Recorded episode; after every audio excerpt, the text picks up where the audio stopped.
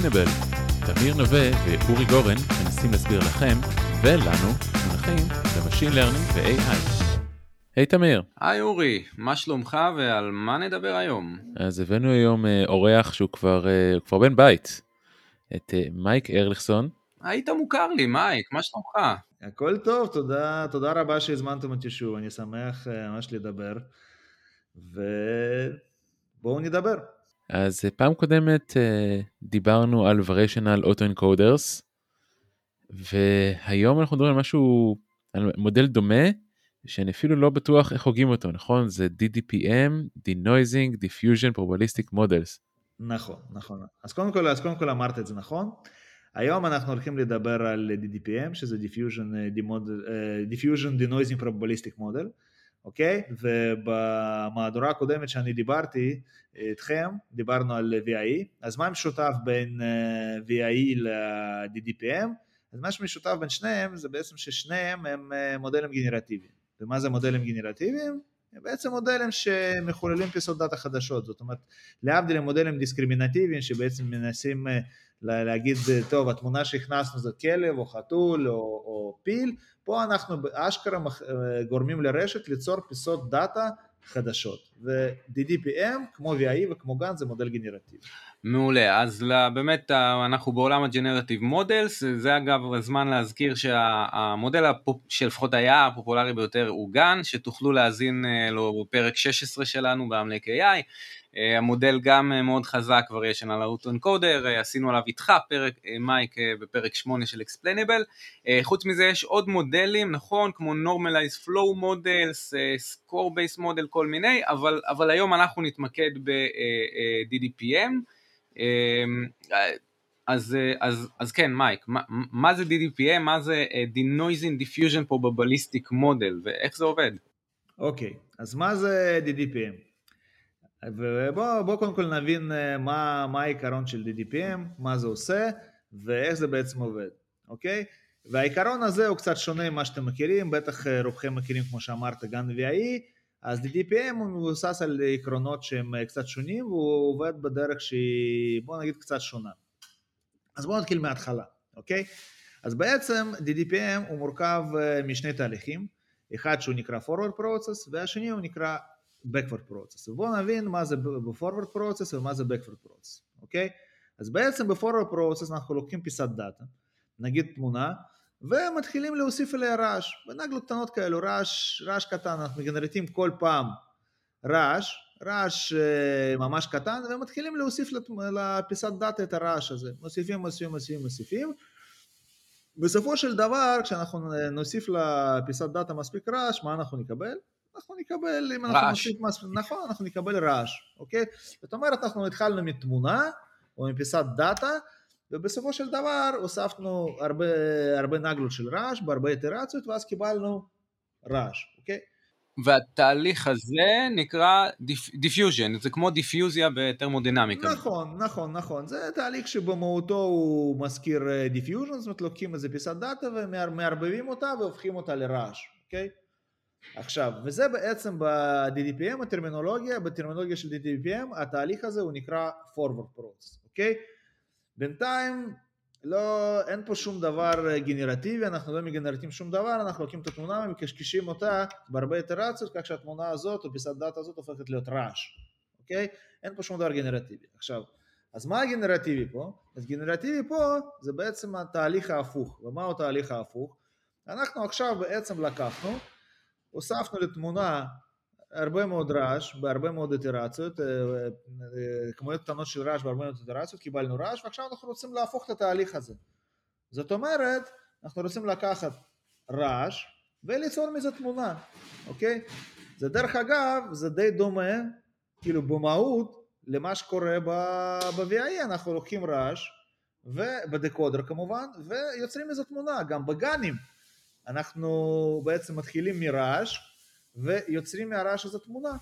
אז מהבחינה הזאת זה קצת דומה, אבל המנגנון פה הוא מאוד מאוד שונה, אוקיי? כמו שאמרתי ב-forward process אני לוקח פיסת דאטה, מוסיף אליה אה, כמויות קטנות של רעש בהרבה איטרציות, ופה בעצם ב-backward process אני לא יוצר תמונה באיטרציה אחת, אלא כל פעם אני מנסה בעצם להבין מה היה האינפוט לאיטרציה הקודמת. זאת אומרת, אני נגיד עשיתי אלף איטרציות כאלה של הוספות רעש, ואז באיטרציה מספר 823 של ה-Backward Process, של התהליך ההפוך, אני מנסה לחזות מה היה בעצם באיטרציה הקודמת, אוקיי? זה, ככה זה עובד, וככה בעצם אני יוצר תמונה, כל פעם אני חוזה את מה שהיה בשלב הקודם, כן. אוקיי, okay, אז, אז, אז זה קצת כמו אה, אה, קליפות של בצל, אתה בשלב הדיפוזיה, ה-forward, מוסיף רעש, מוסיף רעש ומוסיף רעש, והבצל גדל עד שהוא נהיה רעש, ובשלב הדינויזין אתה מנסה לשערך איך להסיר את הרעש, להסיר את הרעש, להסיר את הרעש, להסיר את הקליפה, עד שאתה חוזר לתמונה המקורית. אז, אה, אז מה שאני רוצה לשאול, אה, לכאורה, אנחנו יודעים בעולם ה-Deep Learning וה-CNN שמודלים יודעים לשערך דברים מאוד, פונקציות התפלגות מאוד ככה מסובכות. אתה יודע מה, רגע, לפני זה, מה שהמודל משערך פה, בהינתן הקליפה XT ועוד אחד, לשערך את ה-XT, הוא לא משערך משהו גאוסיאני, נכון? מה הוא משערך פה בעצם? נכון. וזה, וזה נקודה מאוד מאוד חשובה שצריך להבין ב diffusion process, ב diffusion models, אוקיי? התהליך ה forward הוא בעצם תהליך של הוספה של רעש גאוסי. אם אנחנו רוצים עכשיו להבין מה ההתפלגות של פיסת דאטה בשלב T בהינתן פיסת דאטה בשלב T מינוס 1, כמובן שההתפלגות הזו גאוסית. למה התפלגות גאוסית? אנחנו כל פעם מוסיפים רעש גאוסי, אז ההתפלגות המותנית היא גם גאוסי, אנחנו לוקחים משהו, מוסיפים רעש גאוסי, אז ההתפלגות המותנית היא גאוסי באופן ברור, אבל... התוחלת זה, זה הסיגנל והשאר נכון, זה נכון, גאוסי. בדיוק, כן. בדיוק, זה בדיוק, זה בדיוק ככה ואין פה שום סיבוך, אבל התהליך ההפוך, בתהליך ההפוך הסיפור לגמרי שונה. למה הוא לגמרי שונה? כי תחשבו מה קורה, אני אגיד אני עכשיו רוצה לחזות מ-XT, אני רוצה לחזות את התמונה מהשלב XT-1, זאת אומרת אני רוצה להוריד קצת רעש מהתמונה. מה אני בעצם, מה בעצם המודל צריך להבין בשביל לעשות את זה בצורה מוצלחת?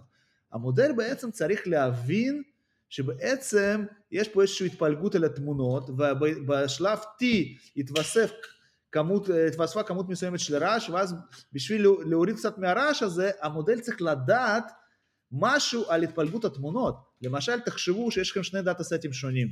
תמונות של פיקאסו נגיד שיש הרבה מאוד ו... ובעצם תמונות של מכוניות שמצלמים.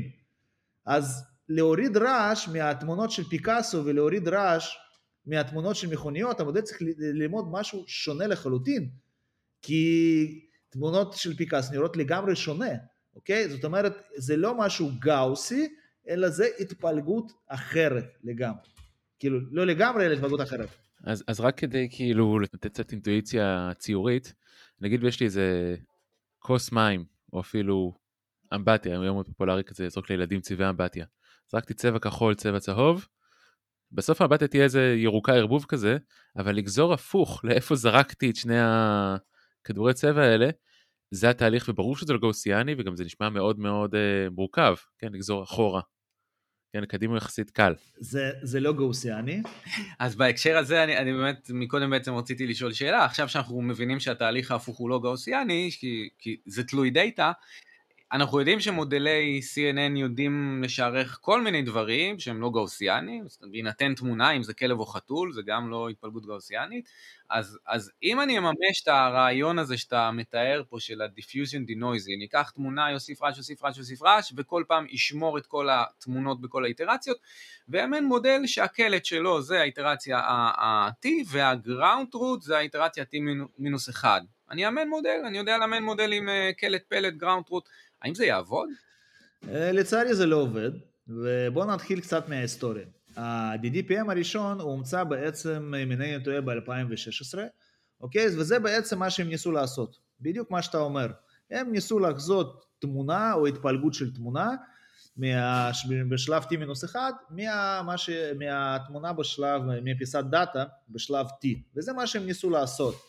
הם גם ניסו לעשות עוד דברים, ניסו להשתמש קצת בקירובים וריאציוניים, כי בעצם מה ש...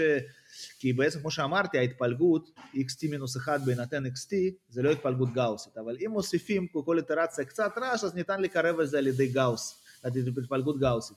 ואז ניסו, לשח... אה, יצאו איזה מאמר, מאמר אחד או איזה שלושה מאמרים, וניסו איכשהו לחזות את התמונה הזאת באופן ישיר, או התפלגות של התמונה משלב t-1 באופן ישיר, תוך כדי הנחה שזה גאוסי, וזה לא בדיוק עבד, אוקיי? זה לא בדיוק עבד.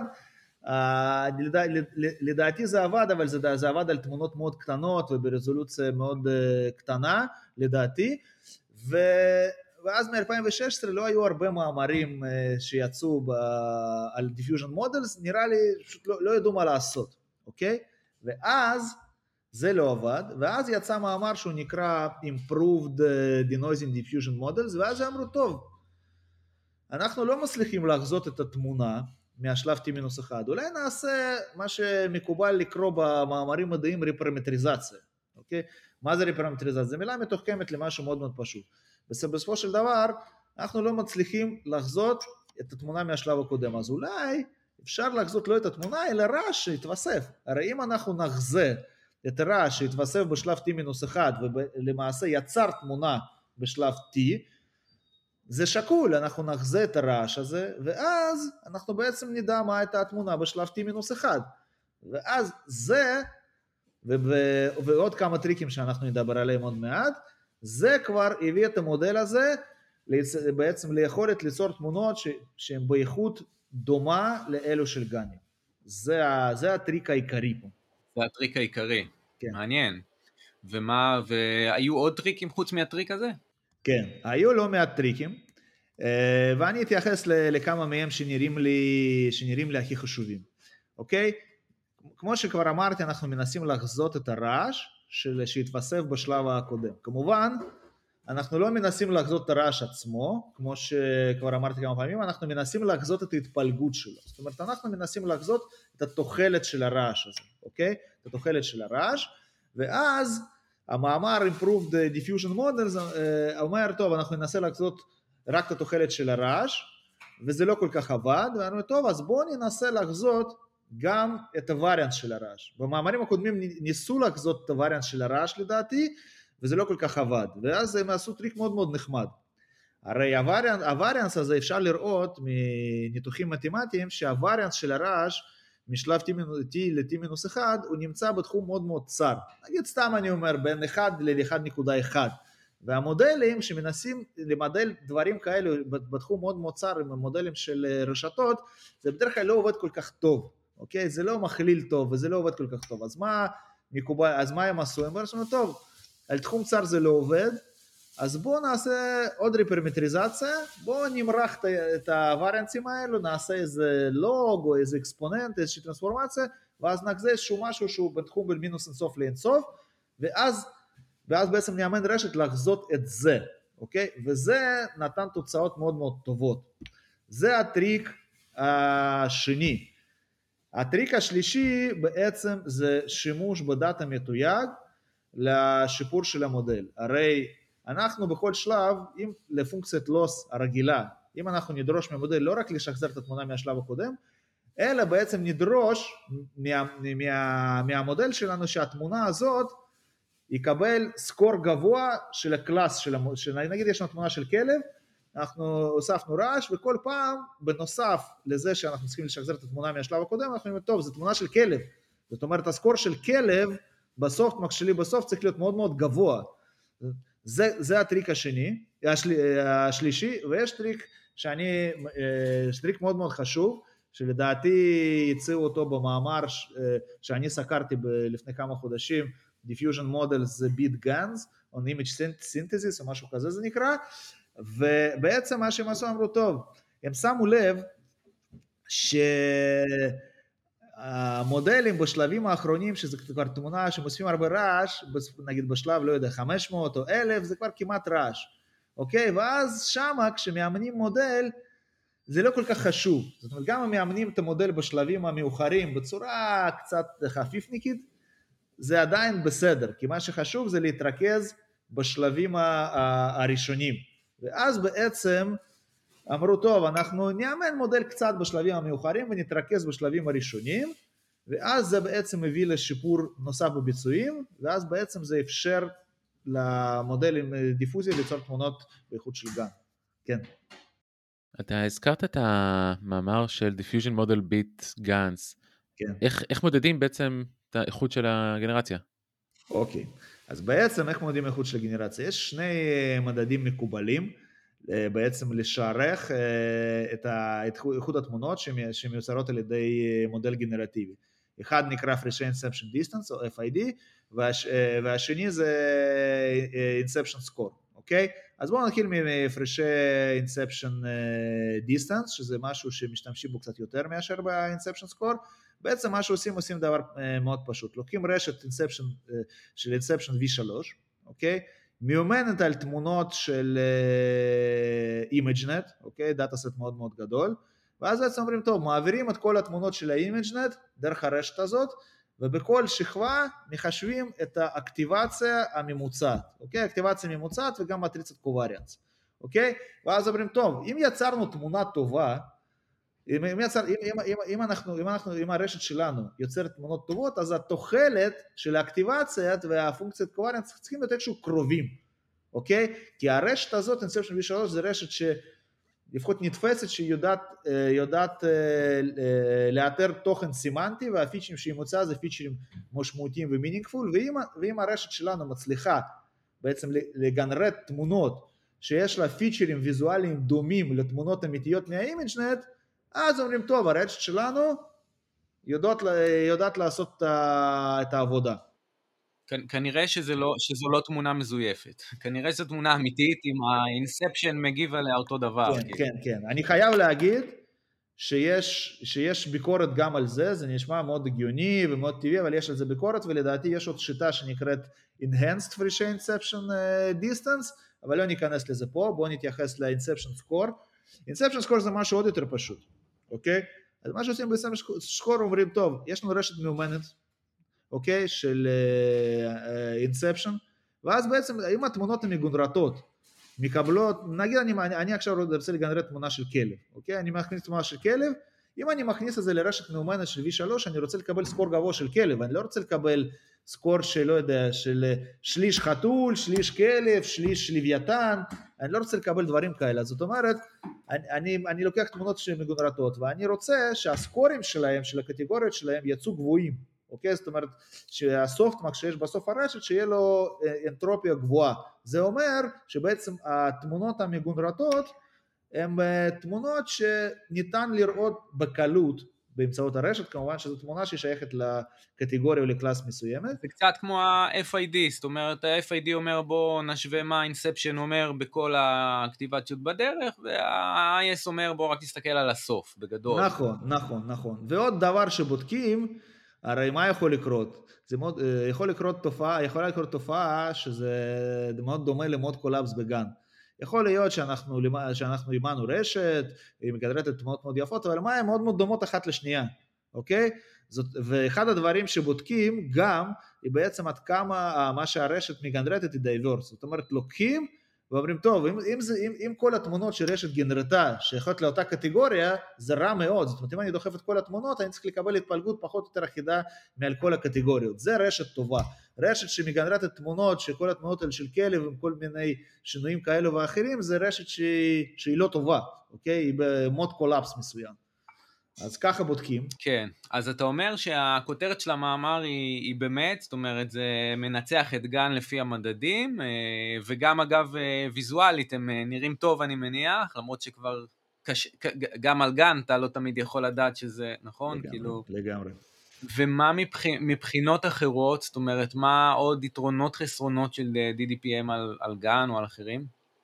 אוקיי, אז קודם כל אה, אתה צודק, המודל, המודל DDPM במאמר הזה שאני סקרתי אה, הוא בעצם משיג FIDים ו-Inception Score יותר גבוהים מאשר גן וגם תמונות, וגם, וגם תמונות שהוא מייצר הן תמונות באיכות מרהיבה, אתה מסתכל, אתה מסתכל על התמונות האלו, אתה לא, אתה לא מצליח להבחין, זו תמונה מגונרטת או תמונה אמיתית, זה באמת אה, איכות מדהימה ורזולוציה מאוד גבוהה.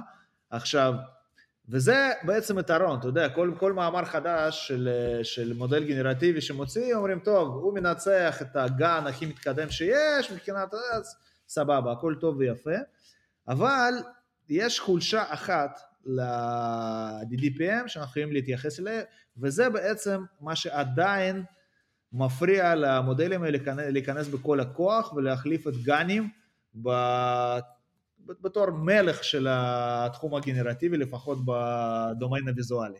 עכשיו, מה הבעיה הזאת? בואו נחשוב איך אנחנו מגנרטים תמונה, אוקיי? אנחנו בעצם מגנרטים תמונה באמצעות backward process. מה קורה ב-backward process? ב-backward process אני כל פעם מנסה לחזות תמונה משלב t מינוס 1 מהתמונה בשלב t, אוקיי? זאת אומרת, אני מתחיל מהרעש, וכל פעם אני מוריד קצת, קצת קליפה, מה שנקרא, של, של, של בצל, אני מוריד קצת, קצת, קצת, קצת, אבל זה יכול לקחת הרבה מאוד זמן. למה זה יכול לקחת הרבה מאוד זמן? כי בדרך כלל כשתהליכי דיפוזיה יעבדו טוב, צריך לעשות הרבה מאוד שלבים כאלה. אי אפשר עכשיו להוסיף חמש איטרציות של רעש ולצפות שזה יעבוד. זה לא עובד, ויש לזה, ויש לזה סיבות שזה, שזה, לא, שזה, לא יעבוד, שזה לא עובד, אבל בדרך כלל עושים אלפי איטרציות. ודרך אגב, אחד המאמר הזה של אה, אה, DDPM ביט גאנז, אחד הדברים שהוא עשה, אמר טוב 1500 איטרציות שעשו במאמר הקודם לא מספיק, אנחנו נעשה 4,000. תחשבו, בשביל ליצור תמונה אחת צריך לעשות 4,000 איטרציות. זה מאוד מאוד ארוך, בטח יחסית ל GAN שאתם מכניסים אה, רעש לרשת, נכון זה רשת מורכבת, נגיד אם זה StyleGAN 3, משני חלקים, אבל עדיין זה, זה רשת אחת, זה איטרציה אחת וגמרנו. פה זה לא מספיק. אתה, אתה מדבר על, על, על, אה, על משך זמן ארוך גם ב inference וגם ב training, אני מניח. נכון, נכון, נכון. אבל נכון. תגיד, זה, זה מעלה לי רגע שאלה, פרט כאילו, איזשהו פרט קטן שסתם מעניין אותי, בעצם זה, אתה מאמן מודל אחד שיודע לעשות denoising לכל אחד מה, לא יודע, 4,000 איטרציות, נכון? נכון, נכון, אבל נכון. קודם כל אני מאמן מודל אחד, אבל יש פה איזה טריק קטן, אוקיי? אה, והטריק הזה, שבנוסף ל input של המודל, אני, אני מכניס למודל גם את מספר האיטרציה, אוקיי? זה אותו מודל, אבל ה input של המודל הזה הוא שונה. זאת אומרת, אני לוקח את מספר האיטרציה, אני בונה בשבילה איזשהו embedding שזה קצת מזכיר positional encoding בטרנספורמרים, זה לא בדיוק זה, יש כמה גישות לעשות את זה, אבל בגדול אני איכשהו מקודד את מספר האיטרציה ואני מאמן רשת שהיא תהיה טובה לכל האיטרציות, אוקיי? זה מאוד מתבקש, כי אה, אה, לדעת לקלף בצל כשהוא ממש קטן, או כשהוא די בינוני או די גדול, זה, זה סיפור אחר לגמרי, אז המידע הזה נשמע לי קריטי ל input, כאילו, של העניין. הוא, הוא לגמרי קריטי, ולדעתי אחד, אחד השיפורים במאמרים המאוחרים על DDPM זה בעצם גישה קצת שונה, לקידוד של, ה... של מספר האיטרציה. זה לא, זה לא שמה שהשתמשו בהתחלה, זה נגיד לפני חמש שנים, זה מה שמשתמשים עכשיו, משתמשים לדעתי ב encoding שהוא, שהוא, שהוא שונה, ויש פה הרבה, אני, אני התייחסתי לכמה טריקים, אבל יש עוד מספר דברים שבעצם ניתן אה, לעשות כדי לשפר את האיכות תמונות, נגיד, הרי אני אמרתי שאני מוסיף רעש בנגלות מאוד קטנות, אבל מה זה הנגלות הקטנות האלה? זה, מה, מה זה ה noise schedule הזה? יש הרבה עבודה איך לעשות, איך להוסיף את הרעש, איך להוסיף עם איזה variance, כאילו יש הרבה עבודה על זה וזה משפר את הביצועים, אבל בואו נתייחס לנקודה של יצירת ה, של האיטיות באינפרנס ובאימון. באימון זה, כמו שאתם מבינים, זה פחות, אה, פחות מעניין, כי אנחנו מאמנים פעם אחת ויאללה, אבל אינפרנס הוא עדיין מאוד מאוד ארוך. אז, אז יש מחקרים גם על זה, אוקיי? שבעצם מה שאומרים, טוב, השלבים המאוחרים הם פחות חשובים. זאת אומרת, אם יש לי בין שלב 1000 ל... לא יודע, ל-900, יכול להיות שממה שיש בשלב 900 אני יכול בקלות אה, לחזות משלב אה, 1000 ולא משלב 901. זאת אומרת, אני מצמצם את מספר, ה, את מספר הפעמים שאני צריך, לה, ש, אה, שאני מפעיל את הרשת, אוקיי? והמאמר הכי, כאילו, הכי מאוחר שלפחות אני ראיתי, ש, שצמצמו את זה ל-25 איטרציות, זאת אומרת לקחו וקטור, אה, לקחו אה, אה, תמונה רועשת, נכניסו את זה, ותוך 25 איטרציות הצליחו לגנרט תמונה יפה, מה שכן, יש שם קצת, זה, זה, זה לא כל כך פשוט, יש שם מתמטיקה לא, לא כזאת פשוטה, מעורבת בזה, איך לעשות את זה נכון, זה לא סתם משחקים וטריקים, אבל עדיין 25 איטרציות זה הרבה מאוד, יחסית הפעלה אחת של רשת בגנים, אוקיי? זה עדיין לא מספיק טוב. גן הוא מאוד מהיר. אז אם אני מסכם, אתה אומר ה-DDPM הוא, הוא, הוא מצליח להוציא אה, אה, זיופים יותר איכותיים, אבל הוא מאוד איטי באינפרנס. מה כן. לגבי ההתכנסות? כן. עם גן היו מלא מחקרים ודיונים על איך לגרום לו להתכנס והחוסר יציבות וכל זה, איך זה ב-DDPM? אז ב-DDPM ההתכנסות היא טיפה יותר פשוטה. זה מתכנס, בוא נגיד, זה מתכנס. בוא, בוא נגיד זה ככה. משפט יפה, זה מתכנס. זה, זה, זה מתכנס, כן, זה מתכנס, אבל זה יכול להתכנס למשהו לא כל כך טוב, אוקיי? בגנים זה, זה לגמרי מתבדר וזה לא מתכנס, פונקציית לוס לא, לא יורדת. פה זה לא המצב, כי פה מבחינה מתמטית ה loss הוא יותר פשוט, אין פה איזה משחק, כי, כי מה, מה יש מסובך ב GAN? ב GAN יש את מה שנקרא zero sum game, יש שתי רשתות שאנחנו מאמנים עם objectives הפוכים. וזה מאוד מאוד מקשה על האימון, צריך להתאים, לעשות כמה איטרציות פה מול איטרציה אחת ב discriminator. יש פה, יש פה משחקים שצריך לעשות, לעבוד עם ה loss. פה, להבדיל מזה, הלוס הוא די מוגדר, נכון? הלוס הוא די מוגדר, ובעצם כל העבודה היא מתרכזת לא אפילו לא, גם בבניית הלוס, אבל עיקר העבודה זה איך להוסיף את הרעש, איך לבנות את הרעש. יש פה הרבה, הרבה הנדסה שהיא לא... שהיא פחות, שהיא, שהיא פחות מסובכת מאשר בגנים, כי בגנים לאמן אה, שתי רשתות עם אובג'קטיב הפוכים זה מאוד מסובך.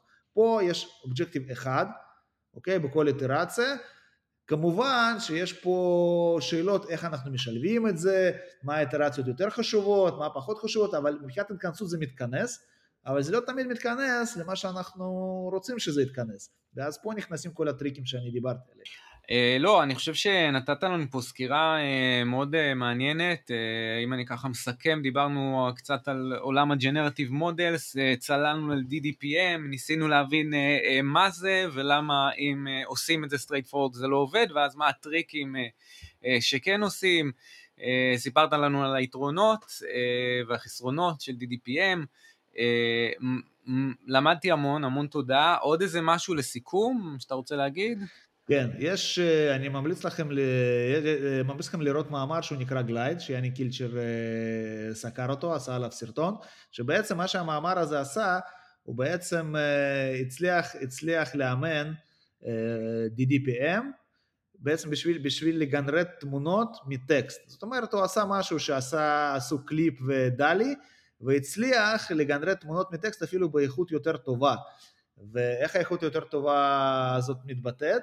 עזבו את ה-FID ו-IS, כשמסתכלים על התמונות שמגונרטות על ידי GLIDE, זה השם של, ה, של הגישה הזאת, בעצם רואים את כל השיקופים, את הצל, כאילו, זה תמונות שהן נראות ממש כאילו יותר טוב מאשר התמונות של CLIP ו DALL-E, שגם הן נראות מצוין, אבל אני, אתם מוזמנים להביט ולקרוא את המאמר ולשמוע את הסקירה, אחת הסקירות הטובות שיאניק עשה, זה גישה מאוד מעניינת וזה בעצם פעם ראשונה שהשתמשו ב diffusion models בשביל אה, לגנרט תמונות מטקסט, ודרך אגב בזמן האחרון יש לא מעט עבודות על diffusion אה, models, אה, משתמשים, משתמשים בזה בצורה די רחבה, עדיין יש את הבעיה הזאת של inference איטי, אבל לדעתי לאט לאט כבר פותרים את זה. קיצור, אז אני, אני מניסיון שלי עם CLIP, CLIP הוא מדהים, אז אתה אומר ש GLIDE אפילו עוד יותר מדהים. אז כן, כבר נתת כן, לנו פה כן, טיפ שמנצחים. כן, כן. לפחות לפי מה שאני ראיתי, אתה יודע.